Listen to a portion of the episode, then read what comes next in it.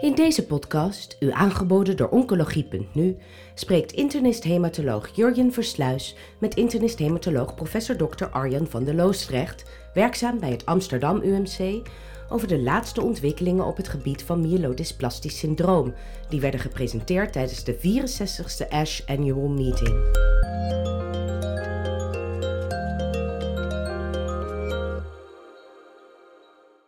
Nou, Arjan van der Loosdrecht, uh, welkom bij deze podcast over de hoogtepunten op het gebied van uh, MDS van ASH 2022 in uh, New Orleans. Voordat we een aantal studies in detail gaan bespreken, wat waren voor jou de hoogtepunten?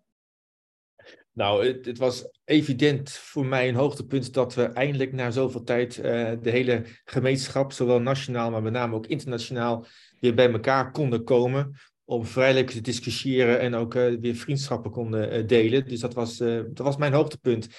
maar uiteraard ook de MDS. Um, en als ik het in één woord zeg, dat was nou het hoogtepunt op het gebied van de MDS. Dat was wel de vele discussies omtrent de nieuwe klassificatie um, en ook het moleculaire klassificatie, of meer de moleculaire prognostificatiesystemen. En daar waren buitengewoon veel abstracts en verhalen over uh, die dat gingen vergelijken en de meerwaarde probeerden in te schatten. Uh, de klinische um, nieuwe studies, dat was eigenlijk een beetje eh, wat, wat we wisten. En daar werden dus zeg maar, de, de uitkomsten wat matuurder van, laat ik het zo zeggen. Geen ja. echt nieuwe middelen op dit moment, want die hadden we eigenlijk al van tevoren moeten weten. Ja. Nou, laten we dan uh, de koe bij de hoorns vatten en meteen met die toch wel prangende discussie in de literatuur en denk ik dus ook op ASH uh, tussen ja. de verschillende klassificaties. Ja. Het recente, voor degenen die dat niet weten, zijn de nieuwe WHO-klassificatie en ook de ICC, ook wel de International Consensus Criteria, gepubliceerd, ook op het gebied van MDS. En wat ik als dokter toch lastig vind, is dat die allemaal net een beetje anders zijn. Kan jij iets zeggen over die, um, over die twee klassificaties um, en ja, ook hoe je, de, hoe je daar naar kijkt voor de impl implicatie in de Nederlandse praktijk? Ja, eigenlijk komt het erop neer dat ze toch heel veel op elkaar lijken. En dat ze ook helemaal niet zo heel veel afwijken van de vorige klassificatie. Zo, zo moet je het eigenlijk zien. Wat, wat de basis is binnen zeg maar, bijna alle hemiploze ziekteentiteiten, dat we steeds meer moleculair gaan definiëren. Dat doen we natuurlijk al in de acute myeloïde leukemie. En dat gaan we nu ook steeds beter doen in de MDS. Als je dat dan onderscheidt van uh, binnen de MDS, dan heb je eigenlijk morfologische criteria. En dan heb je, dat definieer je eigenlijk als je moleculaire criteria je in de steek laten. En dat doen eigenlijk beide, zowel de WHO 2022 als de ICC 2022 doen dat eigenlijk. Als je dat dan ziet van je hebt geen specifieke mutaties, dan noem je het MDS als je voldoet aan MDS-criteria als zijnde cytopenieën en dysplasieën. En dat geldt voor beide systemen. Als je dan kijkt naar de moleculaire definities, dan wisten we eigenlijk al dat de SF3B1-mutatie belangrijk zou gaan worden. Nou, dat is nu in de beide klassificaties bevestigd. SF3B1-mutatie definieert een aparte entiteit. De WHO 2022 laat dan nog wat nuance zien boven de ICC 2022, die zegt, ook al heb je geen mutatie, maar wel de morfologische ringsideroblasten, dan noem ik het nog steeds een SF3B1-entiteit. Wat zegt de ICC?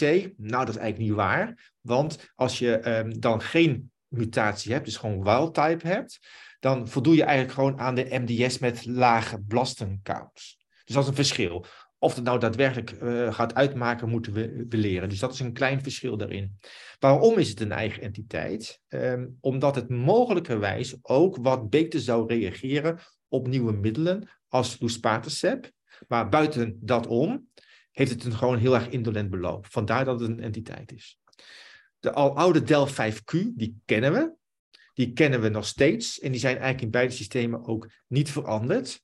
En wat belangrijk is bij al die moleculaire entiteiten, die worden gedefinieerd op basis van die moleculaire afwijking, maar aanvullende mutaties zijn tot op zekere hoogte veroorloofd, maar bepaalde ook vooral niet. En dan kom je al op de TP53-mutatie uit. En um, dat is ook een, in beide entiteiten eigenlijk het, uh, hetzelfde gedefinieerd. En dan is het wel belangrijk dat het gaat om een biallelische TP53. En waarom is dat zo belangrijk? Omdat al eerder, ook van het uh, grote uh, internationaal prognostisch consortium is gebleken, dat de monoallelische P53 versus de biallelische TP53 uh, totaal zich anders gedragen. De monoallelische lijkt eigenlijk uh, conform qua ziektebeloop op de wild type.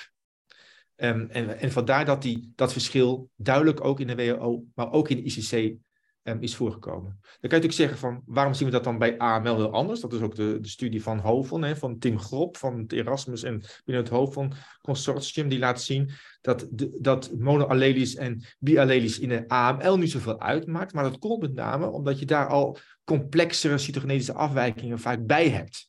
En daarmee vervalt dat eigenlijk. En kan je dan nog, uh, om dat even scherper te stellen, biallelisch, hoe definieer je ja. een biallelische TP53? Ja, dat is een, een, een, een goede. Daar is een discussie over. Kijk, heb je natuurlijk een FAF, hè, de uh, Variable Allele Frequency. Uh, dat zegt wat over de mate van klonale involvement. Als die 50% is, ja, dan weet je eigenlijk al dat het een biallelische mutatie betreft.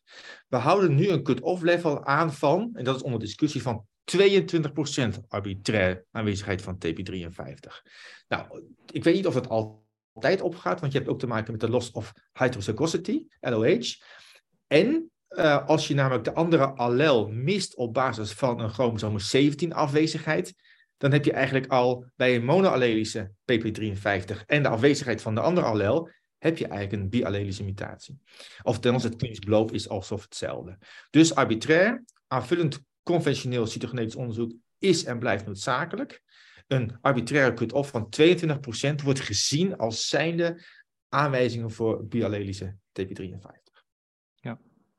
ja. viel mij op dat uh, uh, ook MDS met fibrose nu een, een, een, een, entiteit geworden is. Dat is een correct, dat, dat laat de ICC eigenlijk, definieert dat nog niet. En de, de WHO zegt wel van MDS met fibrose noemen we nu een aparte entiteit. Waarom? Omdat het een slechte klinisch beloop laat zien. Uh, dat is hetzelfde als uh, dat de, de hypoplastische entiteit, hè, dus een MDS hypoplastisch en MDS met fibrose, worden in de WHO 2022 beter beschreven als in de ICC. Ik denk dat dat correct is, want dat kent ook eigenlijk een ander, wel als slechter klinisch beloop. Ja. Nou blijft het altijd lastig om een hypoplastische MDS van een plastische anemie, ontwikkeling of allerlei andere subentiteiten te, te, te, te te bezien. Maar ik denk dat bij een, een echte hypoplastische MDS met klonale afwijking die mogelijkerwijs passen bij de myeloïde neoplasie, dat onderstreept. Ja, ja, ja. helder. Zeg, en um, uh, hoe gaat, gaan we nu verder in de praktijk? Hoe zie jij dat voor je? Ze noemen dat in een van de papers waar naar de uitkomsten werd gekeken van deze verschillende klassificaties, ook wel de Class of the Titans. Um, welke, ja. welke Titan denk jij dat, dat het moet prefereren? Uh, ik moet eerlijk zeggen, uh, ik denk dat ze in essentie niet zo dramatisch verschillen, not yet. Dus die vraag welke je gaat gebruiken in het veld van de MDS, vind ik eigenlijk nou, helemaal niet zo ongelooflijk uh, belangrijk. binnen de AML is dat misschien, zijn er iets meer verschillen. Daar wordt dezelfde discussie natuurlijk gevoerd. En de werkgroep die zich daarover buigt, althans de, gewoon de leukemiewerkgroep Nederland, die heeft een voorkeur voor de ICC, omdat het meer linkt naar ook de ILN 2022 uh, guidelines. De discussie, laat ik zo zeggen, is niet gesloten. Ik denk binnen de MDS, en daar moeten we dan nog heel even op terugkomen, één punt, wat nog wel een verschil is. Bij de uh, WHO 2022 heb je nog steeds de increased blast counts. Hè, de, voor, de vorige excess of blast, die hadden we eigenlijk nog niet benoemd. Um, die wordt eigenlijk in de, um, die arbitraire cut-off van 20% wordt eigenlijk in de ICC-classificatie verworpen. En dan zeggen ze eigenlijk alles boven de 10% tot 20% noemen we MDS schuine streep AML. Ja? Uh, maar ja, ook dat, dat is arbitrair. Waar het om gaat, is dat wij waarschijnlijk in de volgende klassificatie, en daar is het internationaal consortium al mee bezig, eigenlijk naar een volledig moleculaire definitie van deze ziekteentiteiten willen. Ja. Dan kan je vervolgens zeggen van, uh, ja, Van de Loosdrecht, jij bent zo freak op het gebied van de flowcytometrie. Waarom zit dan de hele flowcytometrie er niet in? Ik denk dat die vraag, dat je het net wilde stellen uh, hierin. maar ik, Klopt. Ik, uh, precies. Uh, ja, dat is een, een issue. We zijn hard bezig. De, de, de, zijn nu, de Europese richtlijnen zijn herziend voor de flowcytometrie. En we zijn ook bezig met het internationaal consortium om de niches te gaan vinden. Waar is nou de flowcytometrie nog steeds van toegevoegde waarde? En de eerste auteur van het oorspronkelijke artikel, uh, Gouffry van de WHO, die heeft een commentaar geschreven over de rol van flowcytometrie en die komt in het begin van het jaar uit. Dus daar, daar, wachten we, ik weet al inmiddels de inhoud, maar die laat in ieder geval de toegevoegde waarde van flowcytometrie in de diagnostiek ook nog eens zien. Met name op het gebied van de overlappen van klonale hematopoëse en het echte MDS. Ja. Wat natuurlijk een moeilijk vlak, Precies. een scheidingsvlak blijft. Want daar wil ik eigenlijk een beetje naartoe um, met um, uh, de moleculaire IPSS, die natuurlijk ook recent is gepubliceerd in de New England Journal. Ja. Uh, Evidence, moet ik zeggen. Ja. Uh, dus een subtijdschrift daarvan. Um, en dat maakt natuurlijk de vraag voor het inzetten van moleculaire diagnostiek ja. belangrijker. En ook de interpretatie daarvan in het licht van coronale hematopoëse. en daar is denk ik ook op ASH over gediscussieerd. Ja. Wat, wat is jouw licht daarop? Ja, nou, ik, ik, uh, ik, ik was in het uh, geluk dat ik natuurlijk aan de IPSS Molecular mocht uh, meewerken om die tot stand te brengen. Een proces van jaren. Um, de HOVON heeft daar eigenlijk indirect aan bijgedragen doordat data van de HOVON 89-studie ook voor een deel daarvoor zijn toegevoegd. dus dat is op zich heel mooi. Um, ik ben een enorm voorstander voor de IPSS Molecular. Waarom? Omdat het inderdaad um, ten opzichte van de oude klassificaties nog een beter onderscheid gaat geven in een prognostisch model. Dan kan je natuurlijk, hè, voor degene die nog niet de IPSS molecular kent, betekent dat dat naast klinische parameters als HB, trombocyten, conventionele cytogenetica en dergelijke, nu ook 31 genen betrokken zijn bij de klassificatie. Waarbij je moet zien dat er 15 genen zijn die op zichzelf alleenstaand prognostisch van waarde blijken te zijn. Dan heb je er nog meer en die zijn eigenlijk facultatief in die zin dat die in combinatie met elkaar nog een aanvullend risicoprofiel laten zien. Dus 15 core mutaties en aanvullend nog een aantal die in samenhang met elkaar additionele informatie over prognose gaat geven. Dat leidt uiteindelijk tot zes subgroepen. Dan kan je zeggen van de oude IPSS was vier, de IPSS revised waren vijf subclasses en de IPSS molecular zijn er zes. Wordt dat niet allemaal veel moeilijker? Want uiteindelijk beslissen we toch in het therapeutisch arsenaal, uh, de mogelijkheden, zeggen we van nou, dat noemen we laag en dat noemen we hoog. En wat is nou de very high, high en intermediate, of hoe je het wil noemen? Is dat nou high versus die andere? En leg je daar ergens een cut-off level? En dan maakt het niet uit of je, ehm, eh, hoe je het noemt. Dat is, voor een deel waar. Je maakt het complexer. Maar wat belangrijk is, is dat de IPS molecular over de IPSR gezien 46% van de ehm, eh, patiënten anders klassificeert. Ja. Als je ze nou anders klassificeert in binnen low of binnen high, dan zeg je van er is er nog niks aan de hand. Maar dat is niet waar. Juist in de intermediaire groepen zijn er een, is er een subset aan patiënten, in elk ongeveer 20, 50 procent, die echt naar laag gaan of echt naar hoog. En dan is het therapeutische beslissingen, hoe je die gaat behandelen, wel degelijk anders. Dus daar zit echt de meerwaarde in. Ja. Nou, wat op de Ash, uh, voordat jij weer allerlei nieuwe vragen bedenkt uh, hierin, um, um, is het zo dat, um, dat er heel veel retrospectieve cohorten op de Ash zijn gepresenteerd die eigenlijk het huidige EPS-molecular model eigenlijk groot retrospectief valideren. Met andere woorden, het model werkt in de verschillende huizen. En best goed. Want en best goed. je uh, stuurde me een aantal abstracts. En eigenlijk in alle abstracts deed het het goed. En er was één abstract die het ook echt vergeleek met de IPSS-R. Ja. Eh, en het ook duidelijk beter deed dan de IPSS-R. Ja. Je ontweek misschien een beetje mijn vraag, uh, want vind je dan ook dat we bij iedere MDS-patiënt nu nieuw te diagnosticeren moleculaire diagnostiek moeten gaan inzetten? Nou, het antwoord is denk ik uit mijn mond gewoon uh, ronduit ja. Ehm, ik moet natuurlijk zeggen, ik, word natuurlijk, uh, ik ben natuurlijk een academische dokter, maar um, in ons veld qua consulentschap en ook de rol die ik daarin heb binnen, binnen HOVON en de Nederlandse werkgroepen, vind ik wel belangrijk dat je kritisch bent op, uh, op deze module. Het beschikbaar komen van de, moleculaire analyses voor, veel, voor steeds minder aantal euro's maakt het natuurlijk makkelijker om het te implementeren.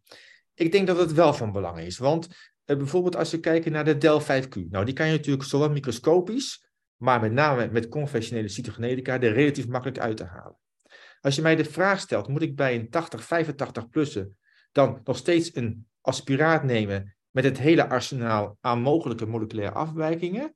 Dan zeg ik, ja, dat is natuurlijk afhankelijk van, is er veel comorbiditeit bij die 80-jarige of niet? Maar als je een DEL5Q zou missen met een relatief makkelijke behandeling, dan heb je het toch verkeerd gedaan als je dat niet hebt gedaan. Maar moet ik dan bij een conventionele cytogenetica ook een moleculair profiel maken? Dan zeg ik ja, want heb je aanvullend een TP53, wat best wel frequent voorkomt bij de DEL5Q, uh, uh, dan maakt dat uit. Je kan ook zeggen, ik heb een DEL5Q, ga eerst maar behandelen met lenalidomide. En als het vastloopt binnen drie zes tot zes maanden, dan, dan is dat zo. En dan heb je, waarvoor heb ik dan nog, waarom moet ik, moet ik het dan van tevoren weten of daar een onderliggende P53-kloon bij zit? Ja, nou, die discussie kan je houden. En daar is afhankelijk van comorbiditeit bij een patiënt natuurlijk wat voor te zeggen om dat dus niet te doen. Nou ja, weet je, en, en bij een jongere patiënt ehm, denk ik wel degelijk die zich als laag risico lijkt te presenteren, waar een hoog risico mutatieprofiel heeft, leiden wij, en dat zal in Rotterdam niet anders gebeuren en elders in het land, toch naar een transplantatie, helemaal jouw vak. Ehm, maar dat, dat is denk ik toch van wezenlijk belang. En de afgelopen half jaar, bij alle nieuwe patiënten en ook in retrospect met patiënten die ik gewoon in follow-up zie, um, doe ik aanvullend, dat deden wij eigenlijk al, maar goed, dat is dan academisch gekleurd, toch een NGS-profiel. En ga ik proberen om de IPSR versus de IPSM naast elkaar te bepalen en te kijken wat ik er nou van leer in het individuele casus. Ja. En dat is dan toch wel heel bijzonder, want ik had laatst een patiënt met een cytopenie, die ik als um, een, een, laag inschatte. Nee, ik zeg het verkeerd. Die had uh, eh, 6 tot 7 procent centraal blasten. Maar die had ook, af, af, uh, ook nog een SRSF2-mutatie, wat we eigenlijk kenden als een slecht scenario, uh, et cetera. En ik wist eigenlijk niet zo goed wat ik nou met 6% blasten moest doen centraal in het merg. Terwijl de andere uitslagen van flow en van de biopte echt maar kleiner dan 5 of misschien nog wel minder zien. Dus kan je in zo'n IPS Molecular Web Tool kan je gaan spelen met wat zegt nou die SRSF2-mutatie samen met een IDH1-mutatie over het risicoprofiel. En dan zie je een beetje, continu als variabele, waar gaat de patiënt naartoe indien die mutaties potentieel een rol zouden spelen. Ja. En dan zie je heel gauw dat die 6% of 7% centraal daar helemaal geen barst te doen, maar de mutatie bepaalt Precies. maar zijn risico. Ja. En, en, en, dat vind ik toch wel interessant en daar moeten we mee leren spelen. Dus als jij mij vraagt, is de tijd rijp om die moleculaire klassificatie sowieso maar ook de prognostische modellen te implementeren?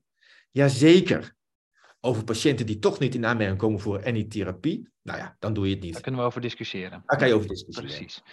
Uh, het is wel goed dat je noemt dat het een webtool is, hè, want het is een uh, uit het hoofd niet te berekenen klassificatie. Uh, en, en een sterk punt vind ik zelf ook met mijn statistische bril op, is ook dat je een, want je weet natuurlijk niet altijd alle mutaties, maar deze tool helpt je ook dat als je het niet weet, dat bedoelde je net ook een beetje, ja. de spreiding tussen, nou, in het scenario dat je alles zou weten van welk risico je op zijn best zou gaan, tot welk risico op zijn slechtst je zou gaan. En ook dat kan je denk ik wel informeren in de behandelkeuzes die je dan maakt. Ja. En, en terecht, het punt, als je iets niet weet of het zit niet in jouw platform, dan kan je hem ook aanzetten uh, als not available.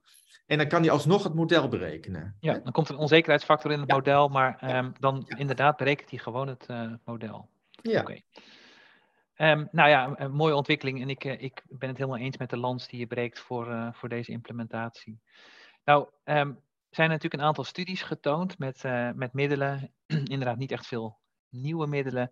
Maar die studies hebben eigenlijk allemaal als studievraag uh, in low risico MDS, high risico MDS, dat implementeren van zo'n moleculaire uh, IPSS bemoeilijkt denk ik wel ook de interpretatie van die studies. Ja, ja, ja, ja, dat klopt. Dat is ook wel interessant dat je dat vraagt, want eh, er zijn bestaande studies van de, zeg maar, de afgelopen vijf tot zeven jaar, die hebben nou ook, daar hebben dit model in retrospect, omdat vaak de farma-gestuurde studies natuurlijk ook moleculaire data al hadden, hebben gekeken naar uh, hoe de uitkomsten nu gaan veranderen in de retrospect. Upfront is daar natuurlijk niet voor gestratificeerd.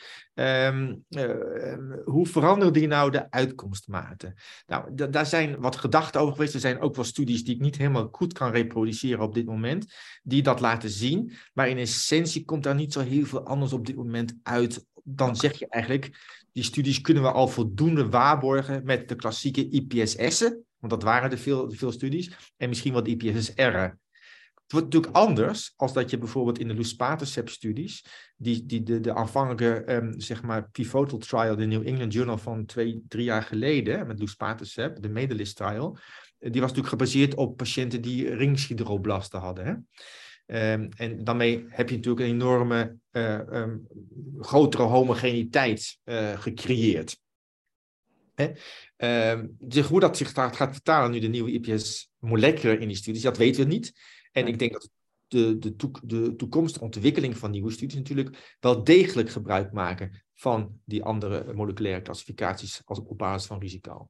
Ja, ja. Nou, laten we dan toch nog wat um, studies bespreken die op ASH uh, voorbij kwamen. Um, ik denk uh, een uh, lenalidomide, we hadden het al over de 5Q-min MDS. Ja. Lenalidomide geven we nu in principe pas als er een transfusiebehoefte ontstaat. Ja. Um, en er werd wel in, een interessante studie getoond, de Sintaref-studie, een fase 3-studie, precies in die patiëntenpopulatie die randomiseerde tussen Lena en placebo. Ja, ja. ja dat, is, dat is een interessante studie, hè? Ja, Vertel, wat vond je van die studie? Ik had er uh, natuurlijk al eerder van gehoord. Die, aanvankelijk had hij een wat lastige accrual. Ging uit van de Spanjaarden.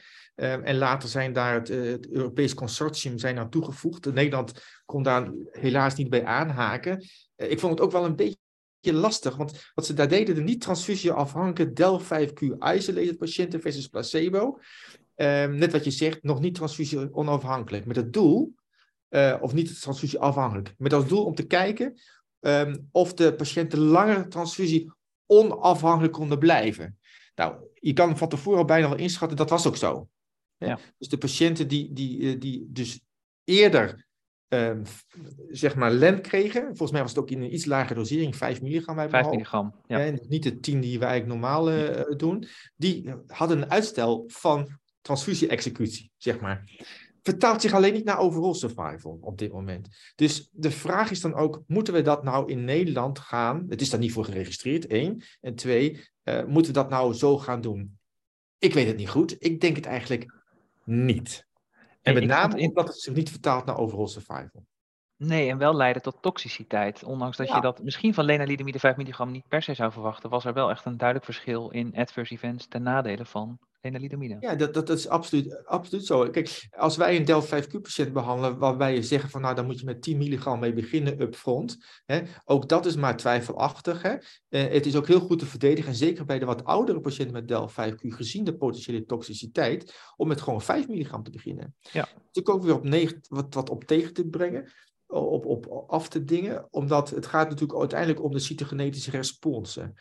En die lijken mogelijk met een iets lagere dosering 5, van 5 milligram misschien iets lager te zijn. En dat geeft dan weer, mogelijk weer, dat je daardoor meer op de achtergrond klonale evolutie gaat creëren. Eh, en met name de P53-mutatie eh, uh, is wel een beruchte bij de DEL5Q.